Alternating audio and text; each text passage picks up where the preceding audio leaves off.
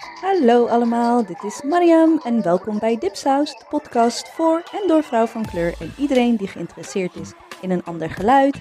En dit is een digitale kick-off van de Read My World Festival. En dat doen we met Kif Taras. Kif Taras is een podcast uit Parijs met twee vrouwen van kleur die het hebben over racisme, maatschappelijke issues, seksisme. Klinkt dat bekend? Kif Taras wordt gepresenteerd door Rokaya en Gras en met hun en met hun praten we over de overeenkomsten tussen Nederland en Frankrijk, maar ook de grote verschillen. En waarom weten we eigenlijk zo weinig van elkaar? Heeft dat echt alleen maar te maken met taal? Alright, enjoy! Welcome to Dipsaus, the program by and for women of color and everybody who's interested in a different perspective. And today we're doing a special episode uh, for Read My World. And we are joined today by Kiffe ta race. But before that, Ebise, take it away.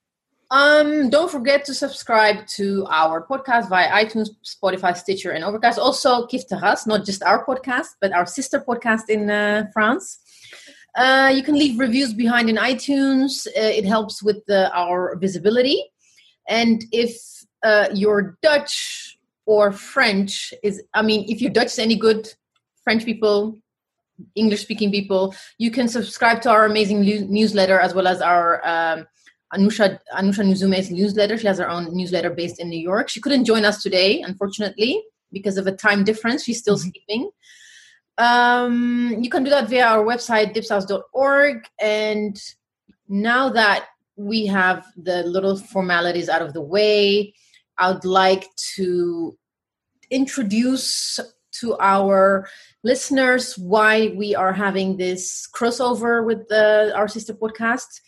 Uh, one of our favorite festivals in the Netherlands is the Read My World Festival, and it's on the 9th and on the 10th of September. There's going to be Read My World Festival is happening, despite the fact that due to the COVID virus, it was kind of unsure whether there was going to be a festival like a physical where people are physically going to be present. But fortunately for us and for you, for you guys and for everybody else in the world, Read My World is happening this week in the Tolhuistuin in Amsterdam, and uh, Read My World is a literary slash poetry slash musical festival which challenges Dutch and international authors to explore the borders between literature and research journalism.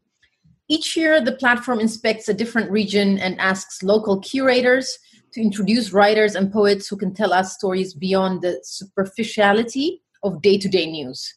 For this edition called Europe 2020, uh, we got they got inspired by the European Others, a book by Fatima El Tayeb. Did I say her name right, Mariam? Fatima El Tayeb. Okay. Fatima El Tayeb. Um, this acclaimed work examines the position of the people on the fringes of the European cities, the people who are labeled as other by the uh, unestablished order. However, it's also in the unexpected places where these so called others find themselves that new stories and languages emerge new connection, a new connectedness that transcends national, ethnic, and religious boundaries. Through a wide variety of sources from drag performances to feminist Muslim activism and Euro hip hop, El Tayeb maps out a multifaceted and energetic contemporary Europe. Right now, because they are able to represent a vision of the future where our European leaders, unfortunately, are increasingly losing authority. So if you can manage, go to the Read My World Festival at the Tolhuistuin on the 9th and the 10th of October. And we did not write that text ourselves. It's the amazing text from the website. it is it is fantastic. I understood everything. Yeah. So you you you you both of you are going to be there? Uh, I will be there. I'm not sure about. No, I don't think I'm. Um, yeah. um, no, no.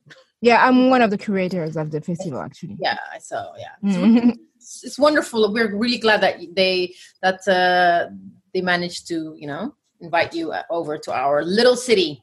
Mariam. Yeah, I'm glad to. I can't wait to meet you in person. Yes, very excited. First, we have to do it through the screen, but that's also okay. I mean, read um, read my world has also like a k- kind of a special place in our hearts. It was our first live show ever as a podcast four years ago. So um, yeah, that was that. So and they always have great themes. Last year was a lot about you know um, uh, uh, feminism, but also I was in a great panel with Mona Eltahawy talking, Oh, you know, I love her. not not always not always agreeing but that's what the space is for really talking to and with each other especially as you know two women of color who identify themselves as you know who i identify myself as a muslim woman and it, it was a great great experience every year so our guest for today are our twin sister podcast from france i hope you i hope you agree with that Yes, of We course. do, we of do. We're very happy to have a to have family in the Netherlands.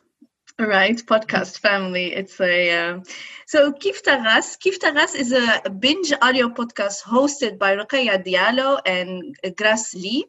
Um, I had to look at the episodes, and that's why I kind of came up with you know our it's our, our sisters. I can't really listen long and really understand fully what is um, you know um, you know it's very hard to to follow a french conversation that goes over in way you know in in a quick pace because French is so quick. You speak Um, French? You speak a little French? I speak. a little i'm Moroccan. I'm Dutch Okay. Moroccan. I grew up in in the Netherlands, but I speak like Maghrebian French. So when I used to travel to our cousins and our aunts in Barbès and in Saint Denis, um, but I don't think you would understand. I'll mix it with like Moroccan Arabic and make it work. Like in in Pantin, they understand what I'm saying.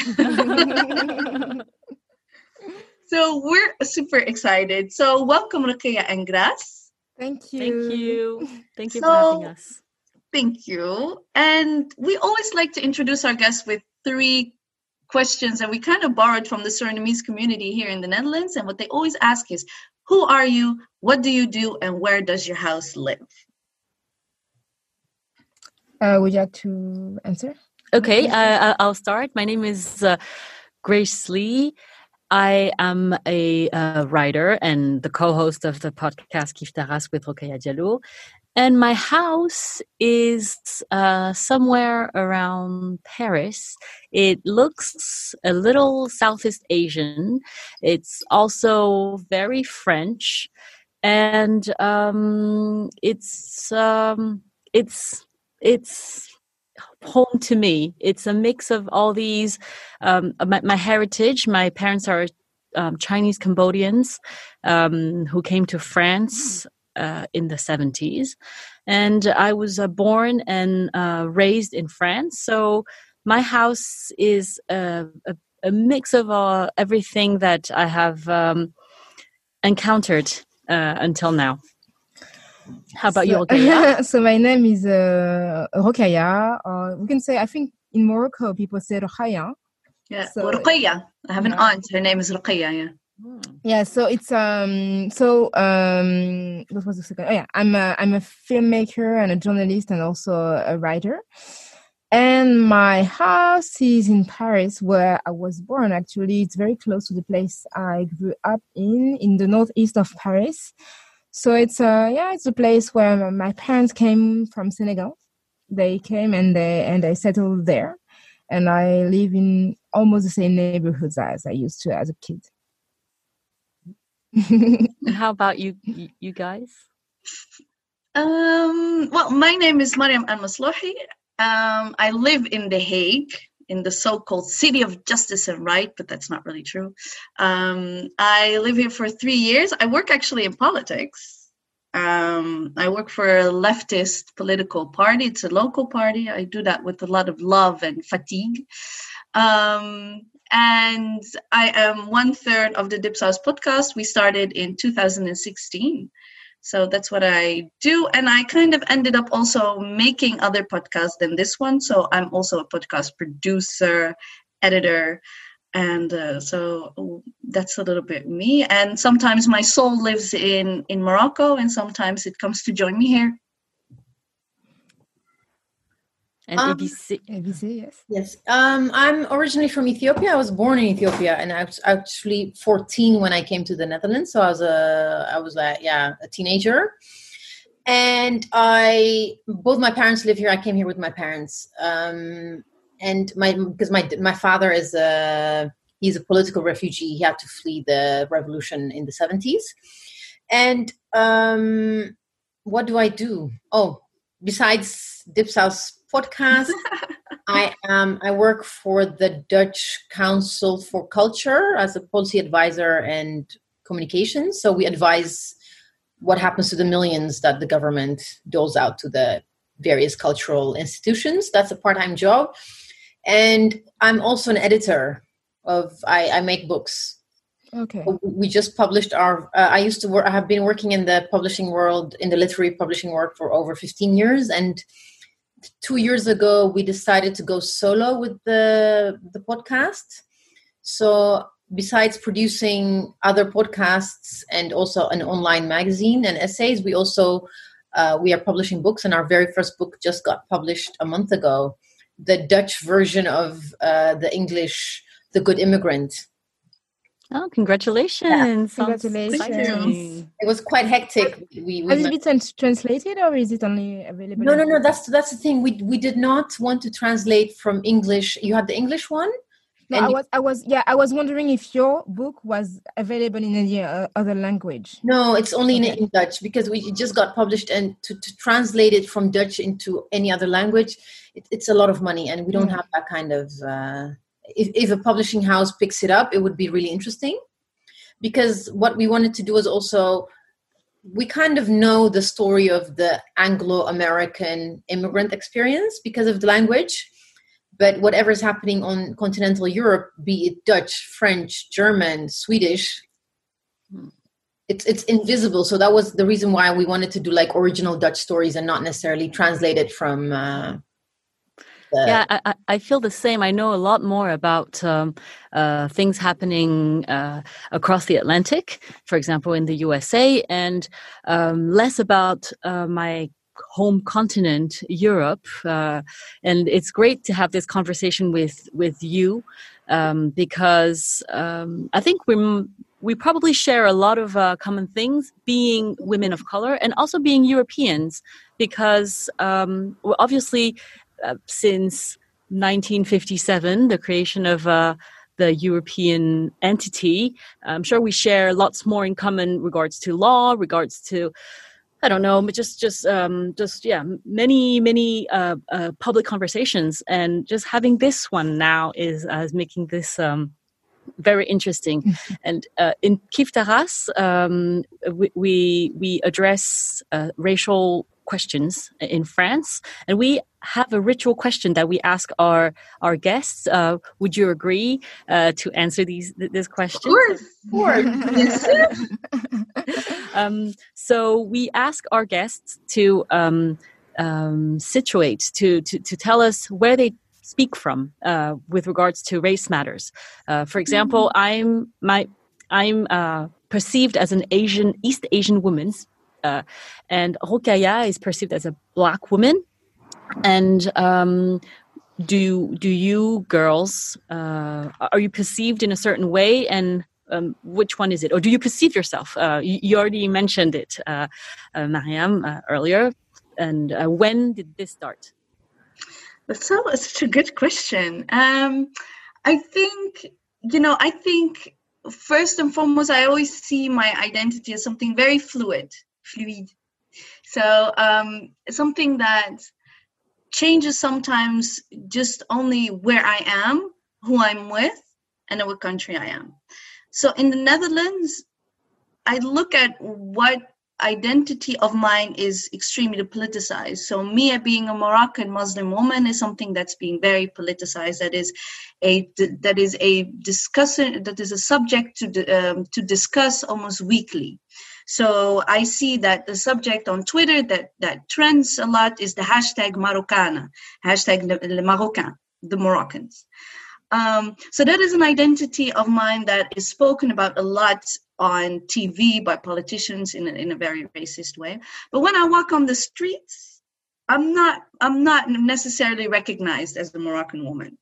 Um, there, I I um, I am an Afro Moroccan, so I am from the south of Morocco, where I have a strong heritage of um, uh, Black Moroccans, a heritage of what I don't know, but could be possible also um, of, of slavery. Um, so when I when I walk in the south of Morocco, I'm just like any other. When I walk the streets in the Netherlands, um, I would have to start speaking Moroccan to be recognized as, as a Moroccan and maybe even as a, as a Muslim woman. So um, I speak from those layers of identity, and depending on the conversation we have, I I sometimes kind of decide from what starting point. If, for example, if I talk a lot about sexuality, um, me the the or the, the exotism of my Muslimness or Moroccanness or even Arabness um, is something that is put on to, in discussion. So I could I it's it's a it's a it's a discussion I have internally also a lot. I, I think I could I could um, explain it like that. Um, you know, post 9/11, I think also in Paris, what I've what I've heard, 9/11 to grow up as a teenager in Europe as a Muslim, your identity as a Muslim was something that was very highlighted. So um, I have lots of layers, and today I will be speaking from all those layers because we are here in that intersectional, you know, space. And thank you. what about you, Ebise? Um, it's interesting when you asked that question. I wrote down what came to me first, and as I'm going to say first what I wrote down, and then whilst Mariam was talking, I, I, I started rearranging my also very fluid identity, multiple identities.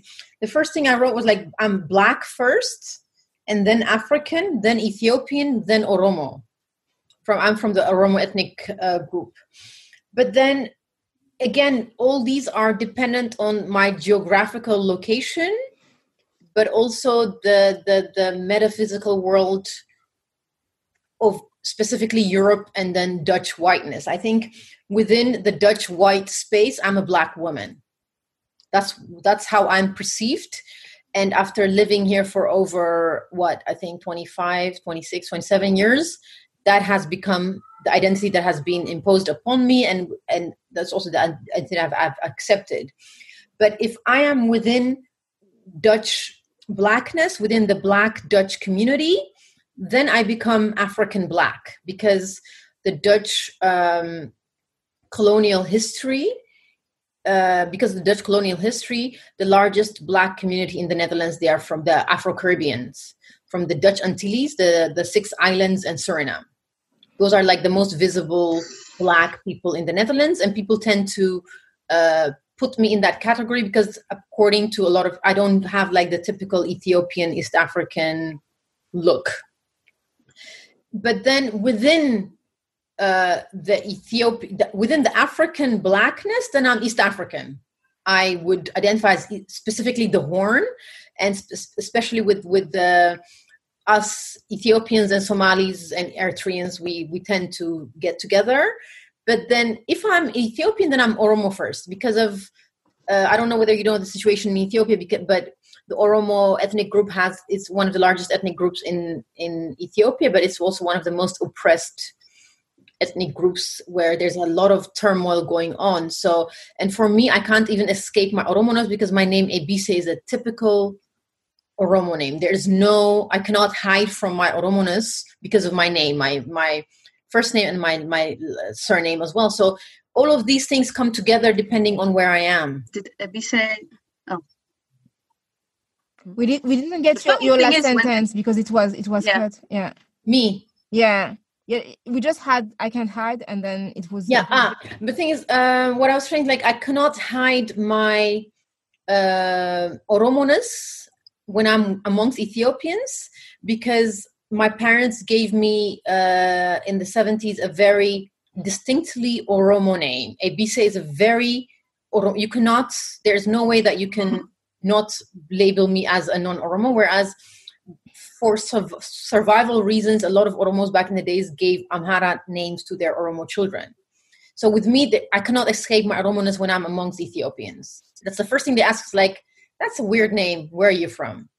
I even get that within. So, what I'm trying to say is like, depend even in the Netherlands, depending on who I am with, how ident- how, how I identify is fluid. But then mostly, yes, I'm a black woman. I would say because I live in Europe, that would be like the the main identity marker. Okay. Great. And um, how did you uh, ladies meet, and how was uh, the Yeah. Dipsaus podcast created? What what was the what was the conversation that sparked the the creation of the podcast, and how would you define the podcast? Uh, um, uh, in uh, no, with regards to uh, the race matter, the ra- the race issue in, in the Netherlands. So funny. I want to ask you the exact same Ah, question. that's I will answer after you. You will answer after us. Okay, cool. I mean, I love this. I love this. Like, we're all so curious. Like, oh, but what do you? And let's see. So we started in 2016, and so I, me, Ebise, and Anousha, the three of us, we kind of knew each other just from Twitter, from the Twitter community. Let's call it that. And but we were interviewed, um, but not with Ebise, with four other women of color and Black women, and we talked about um, race using social media. And we kind of i don't think we made the mistake. I think we let a white journalist interview us a white male journalist and we made some very very strict um, um, um, agreements and those agreements were not honored. So what happened was that a, a article was published that was uh, that that led to a, a, a meltdown in the Netherlands where we kind of said what we are saying, and I'm pretty sure you are saying in, in the podcast that we have a, we have a racism problem, and we have a problem with um, um, how uh, we even as women of color, as Black women, can move through this country, work, etc. And so we we didn't really know each other that well, but because we are we were so under a magnifying glass and because we were attacked constantly we created this whatsapp group app and started ex- talking about you know our experiences what is going on about the debate in the netherlands etc and then we thought you know what we have this safe space now but, but what if we just throw it into the world and into the Nether- in the in the netherlands and that's how dipsaus actually was created and we're going strong now for You, you forget one tiny detail. The three of us, we met at different stages before we true. started the podcast because Anousha, uh, Anousha is like, she's our eldest as well. She has been, um, how do you say it? Uh, she's been an activist. Quite, she, she's she's relatively well known in the Netherlands. She's, she's a a writer. veteran yeah. She's an actress. She she's done. Uh, she, she she has been a public figure for a long time, but she was one of the few outspoken black women since the beginning of days. She was one of the. She's she's one of the trailblazers, and she'd had to deal with all of this on her own for a long time. But we met. I met Mariam at a protest. Yeah. First, first time we actually met, it was not. First, it was Twitter, but then the first time we saw each other was at a protest. And the same with Anousha. The first time I actually saw her in real life was another anti-racism protest. So even if before we knew that Dipsaus was going to happen, we actually physically met at anti-racism protests. I just wanted to add that. Mm. What about you? What about you? yes we, we want to know now about you Yes. So it's, it's it's a it's a different story because we knew each other we were already friends and we were keeping having those conversations about racism how grace as a as an asian woman was experiencing race in, Fra- in france and how it was different from my own experience and how in some ways it could be similar. So we're having those conversations with you know the two of us or with other friends. And at some point we you know we just you know have that conversation saying oh maybe we could have that conversation you know in a more in a more public way and uh, trying to to create a space where we could have that conversation but not in in the, the tradi- traditional way because here in France we have many debates TV debates where you have people discussing race the, or the French identity but in a very very aggressive way like something that is not peaceful at all and it's mostly you know among white people, just speaking about people who are not there. And it's very, you know, it's not, it's not, you know, very peaceful conversation. So we decided to first have just um, invite to invite two of our friends, uh, Fatima Aït Bounoua and Samira Ibrahim, to have a, a, a, taped conversations, like a video conversation. Um, okay. And yeah, it was just you know, we didn't have like we were thinking of um, creating a podcast, but we didn't really know how to do. So we just taped a video and then mm. I met uh, Joël Ronez, who is the head of uh, Binge Audio. And I, I remember I had a meeting with him and I just sent him the link of the video. And I went to the meeting and he was like, he understood everything that we wanted to do.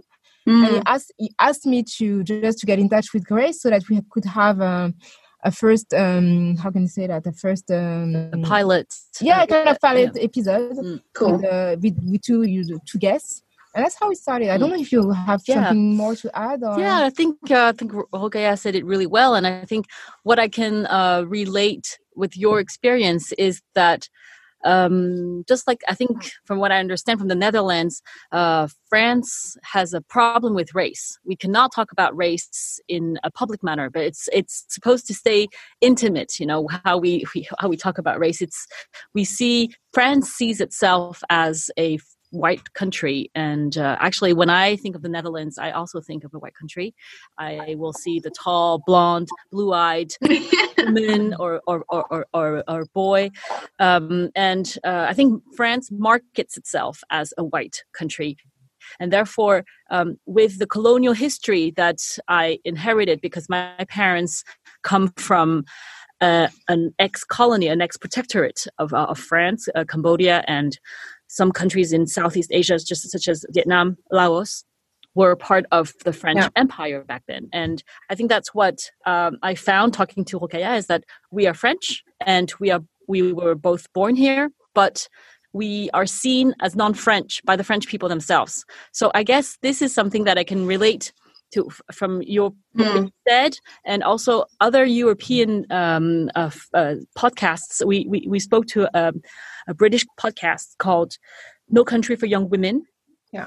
And from the BBC. And um, both of them also had this um, this feeling of living in their country as foreigners. And that's something that um, I think will def- um, makes it very European as opposed to USA.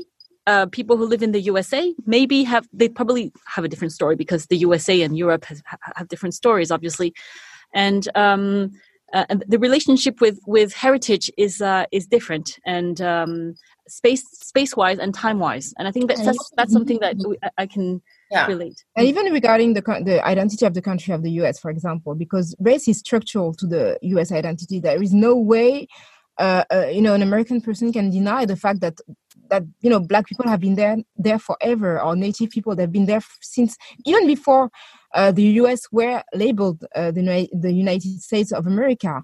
Whereas in Europe, we still have this idea that people are, are coming, that they are newcomers. And, and even if we've been here for centuries, we are still seen as, as, as people who just came yesterday. Yeah. And it's, it's, you know, it's something that we need to, to, to tell and to tell over and over.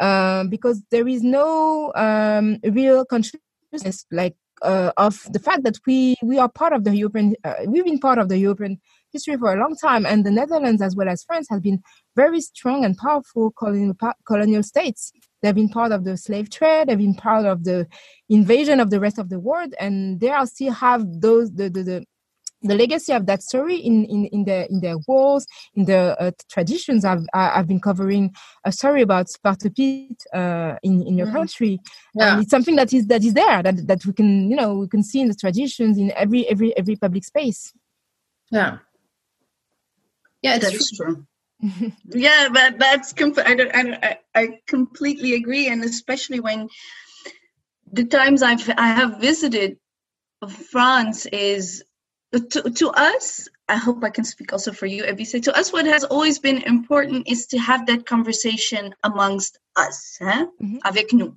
What, who are we?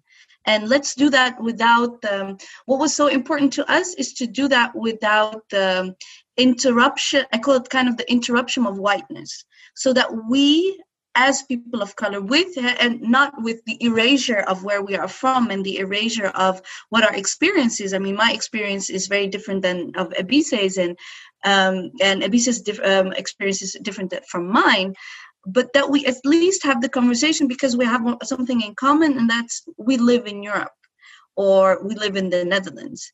And that brings a certain as you said that brings a certain history and that brings a certain legacy what i am so interested in in when I when I uh, look at France and see how people of color interact in a different way when you have a colonizer in common. So, you know, I see a different relationship when it comes to North Africans with West Africans, uh, but specifically West African countries that have been colonized by by by the French, because you have a language in common, you have a kind of a colonizer in common, which creates a very and I'm, i might be wrong, but I always had kind of the sense that the that the, the there was more closeness um, than we might have in in the Netherlands. I don't. My my parents don't have don't do not remember the French marching through Morocco, uh, the Dutch marching through Morocco. Those were the French. So there was always created this kind of fake neutral way I should live my life here in the Netherlands because we're new we're newcomers and we don't have that legacy in in Morocco for example. But for the for, for the Surinamese uh, like Ebise said for the Indonesians there is that colonial history. And I just hope that with our our conversations that we have that we grow closer to each other and have that conversation. And that is something we tried also to do in in the book for example where it's intergenerational it's um, you know we make a difference between being black and being a non-black of color um, and hope we have that conversation if if i'm making any sense. Yeah it's, it, it is interesting um, the, the situation in the netherlands is in, indeed slightly different than the situation for example in the uk or france specifically because of the after the afro Caribbean uh, community, the largest community uh, of color in the Netherlands are the Moroccan Dutch and the and the Turkish Dutch uh, migrants that came in the 70s for what's gastarbeider? Migrant workers, uh, migrants workers labor workers. The laborers they, they brought them in in large just like in germany. So as a result because there is no colonial history with um, uh, i mean not the similar colonial history with with the second and third largest uh, muslim community in the netherlands that they, the, the the system the dutch system has been able to divide and conquer so, as the, the people of color community in the Netherlands, the largest groups, the, the, the Afro Black community and the Moroccan and the and the Turkish community, they were not necessarily grouped together because they don't have similar. They had they both had colonial history, but different from different vantage points. The Turk the Turks were not colonized by the Dutch. The Moroccans were not colonized by the Dutch. So it has a slightly different um, way of relating to the Dutch as as a colonizer than for example the moroccans in france or the moroccans in belgium. That's what it makes it as it's a strange cocktail of whiteness that the dutch have managed to create and the fact that the dutch language is also like spoken in a very only few people compared to france french and english they have managed to create this walhalla of freedom and mm-hmm. tolerance. The Dutch and their tolerance is like they're world famous. They export tolerance. It's a lie.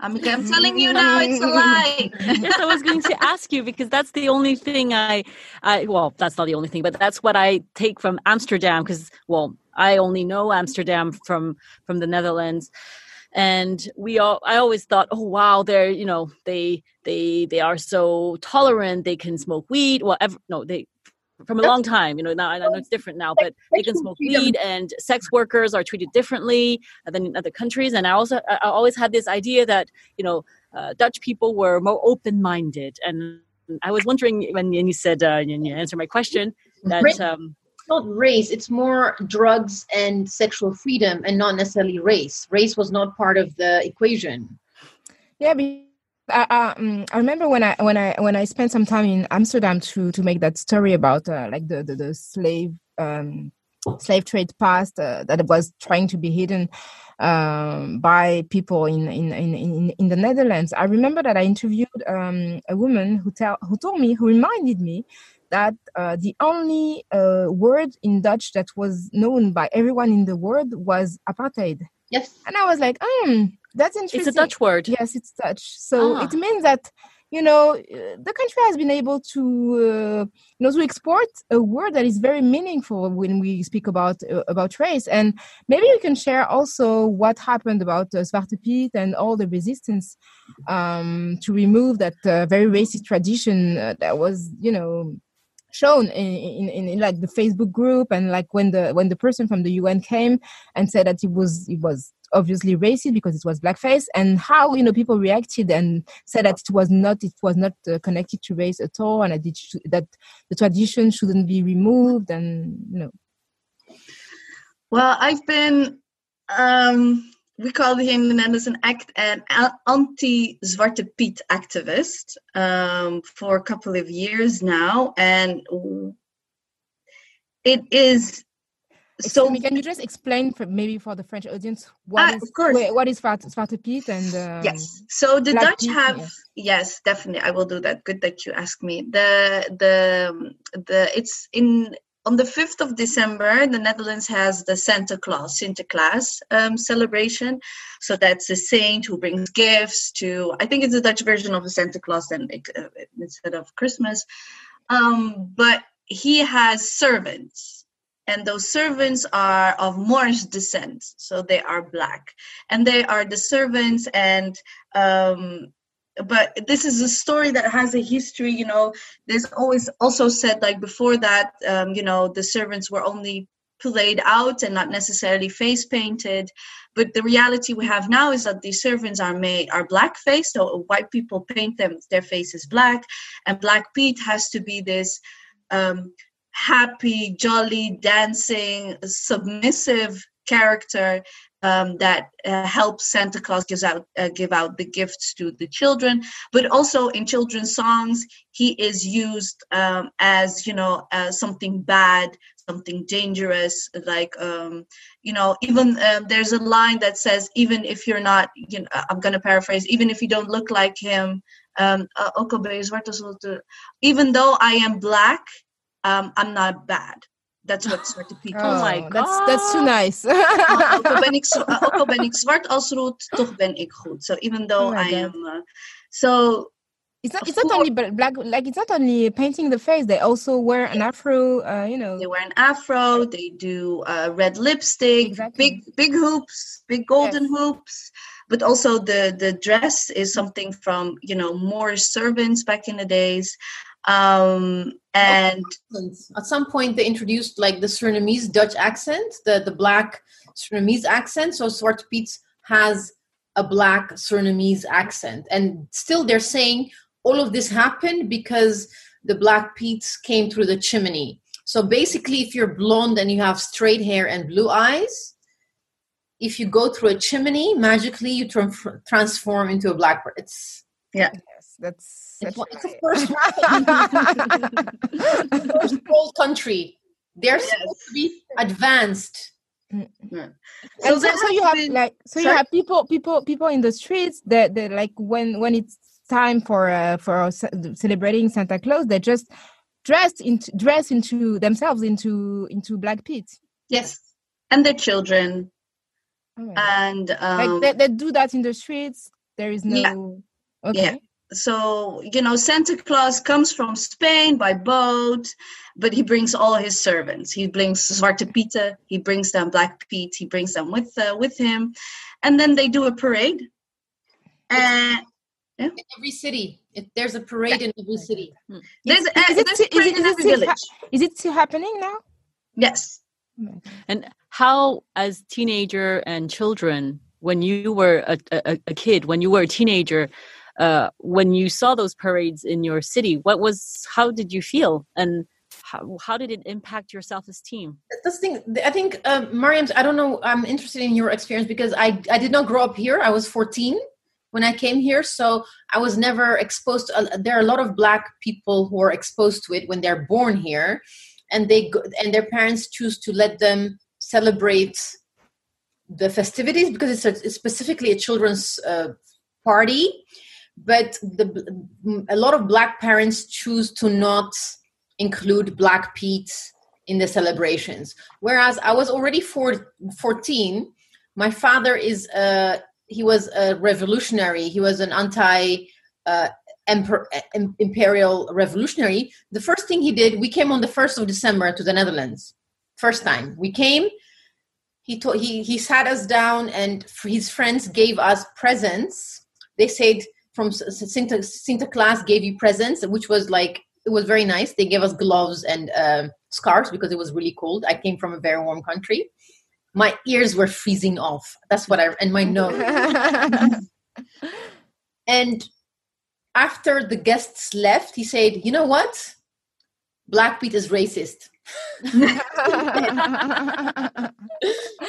Number one he says we don't do that. I'm like okay. So that was that's my first encounter was already okay this is not something that i, I need to even pretend to like so mm-hmm. it was something that i was aware of from the day that i set foot here so and and also because i i, I did not i grew up in amsterdam which is a very multi multi uh, racial city i was able to avoid it entirely. It was easy to avoid.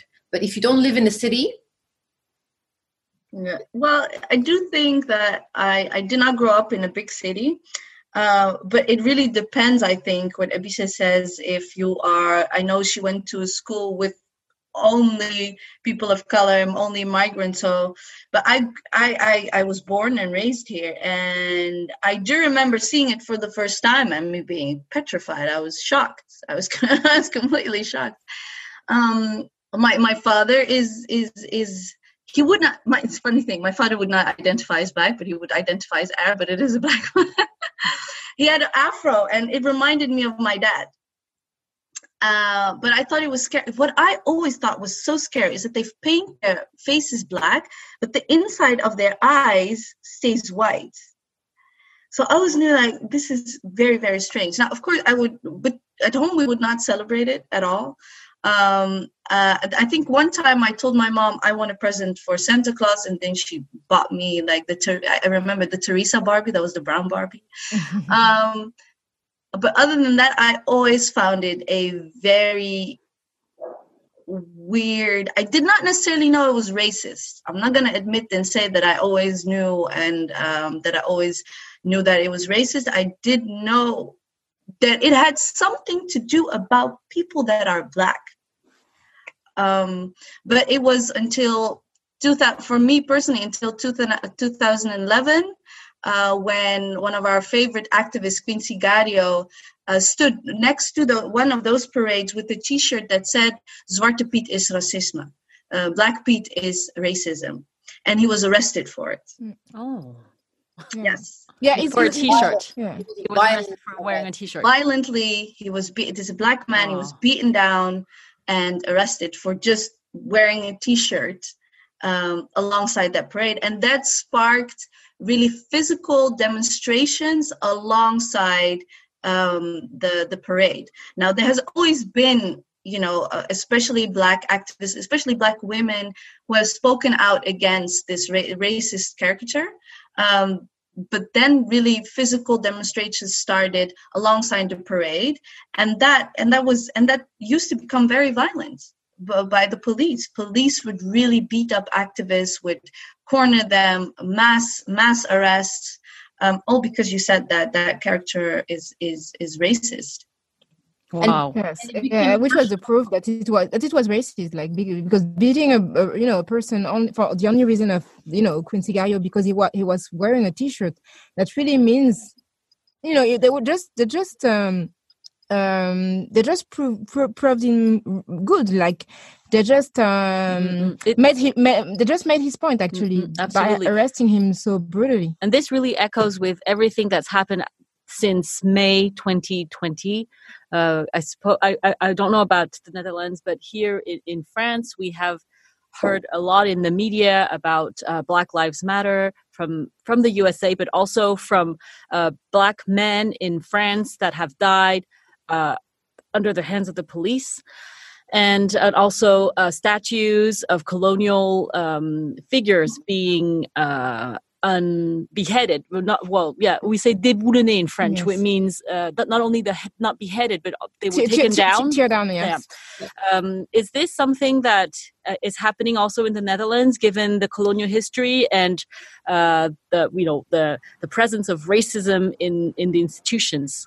just before you answer um just uh, to make to be to be uh, just a little break about the timing because i think we don't have much time Mm. uh, maybe we could ask that question and I don't, do you ha- do you want to add something after that question or um, Um, I think maybe we can round up with uh, um, a little bit about the future, what we're going to continue doing. Okay. perfect Yeah, is it a good perfect. idea? Yeah. Yeah, and Oh. also one- one thing that I think is important uh, that we we want to discuss is the fact that we need to be Europe sh- should be in conversation with each other because we tend to look at what's ha- also because of the Black Lives Matter movement. We Yes. look too much towards the states yes. And not be in conversation with each other because we have so many similar stories. And the thing is especially in our community in the in the activist community we're very much aware of police brutality in france. We're very much aware of what's going on there. Okay. Okay. Interesting. If we don't speak the language we know that it's like one of the brutal. Repression that's happening in, in, in france we're aware of it. Okay. The interesting thing about so when friends, my friends from Morocco moved to Paris to study there, I used to visit a lot, and we walked on the Marche de la Dignité, and Yeah, that was was was one of the most. Sorry, it was in 2015 it was one of the most impressive demonstrations I have seen. France does have a more it has a stronger history of protest than the Netherlands does. So it makes sense to the images we see from France from riots. We're kind of used to them because it's not all we're not used to them always thinking oh it's rioting so there must be people of color. No there was the you know when it comes to labor rights we know that the france and even in belgium have a much stronger history of that. So when we see that in we we kind of know that in um in the netherlands. And of course when i i remember the the the story and of course there are many stories after that the story of Zyed Mbouna in in in france that is you know something that still till today there's no justice for uh, for it. But in the netherlands the netherlands i always say the netherlands has the best pr team you can dream of. They have the best public relation team you can dream of. In the netherlands relatively there are if you we're only 17 we're only 17 million people. There is a lot of police brutality but there are ways to cover it up. There is a way of covering up as something as a confused person um, or um, we don't have the transparency. We don't have in the netherlands really also the the the, uh, the infrastructure to to monitor that in the way that we have it in, in that you, you have it in in in france um, and that creates this image that also during when we had the black lives matter um, demonstrations um, um, there was one that we organized in The Hague specifically about police brutality, and that became a very sensitive topic because here we still like I know the French, and I won't say them. I know how police is being called and cursed in French, but in the Netherlands, there's still a they really have a very strong PR team where even talking about police violence is like, oh, but but why are we trashing the people that are supposed to protect us? And that is a little bit what's going on um, right now here in, in the Netherlands. It's really interesting to see your point of view from another European country because I never really thought of um, this as uh, you know for the French people because we, as you said, uh, we always look at um, the USA and we never look at ourselves the same way. And uh, it's really nice to to to to, to hear what uh, another European country has to say about the French um, the French uh, activism and the protests uh, that are. Um, it's it's france is inspiring for us oh really Aw. Because because because I think it's also the, the Dutch system of, of, of it's called polderen, where it's a multi-party system, and they've there's always a coalition. There's always a large coalition where four or five parties are involved. So like always compromising is how they have survived and become one of the richest countries in the world. They're merchants. Mhm. the merchant always finds a middle way. And as a result that has become part of our dna also like the people of color and the colonial subjects we have internalized this compromising and nuance and always finding the middle way so protesting going marching revolution fighting is not part of our dna either. Not the, the not- not just the indigenous white dutch but also like the, the afro-caribbean uh, subject who've, who've been a colonial subjects for over hundreds of years. It's not part of part of our our modus operandi whereas me coming from ethiopia yes we did because my again it's also my own personal history. But in, indeed when you look at france it doesn't i mean the, the 35 hour work week yeah. every we, we yeah. we don't compromise. We have from problems but we, yeah well yeah where peop when people are, are are angry you, you can feel them being angry. they don't hide that. and that is that is something inspiring and we would wish Oh, wow. more dutch people to be more Well, thank, thank you, for sharing Thank that. you. that's so interesting.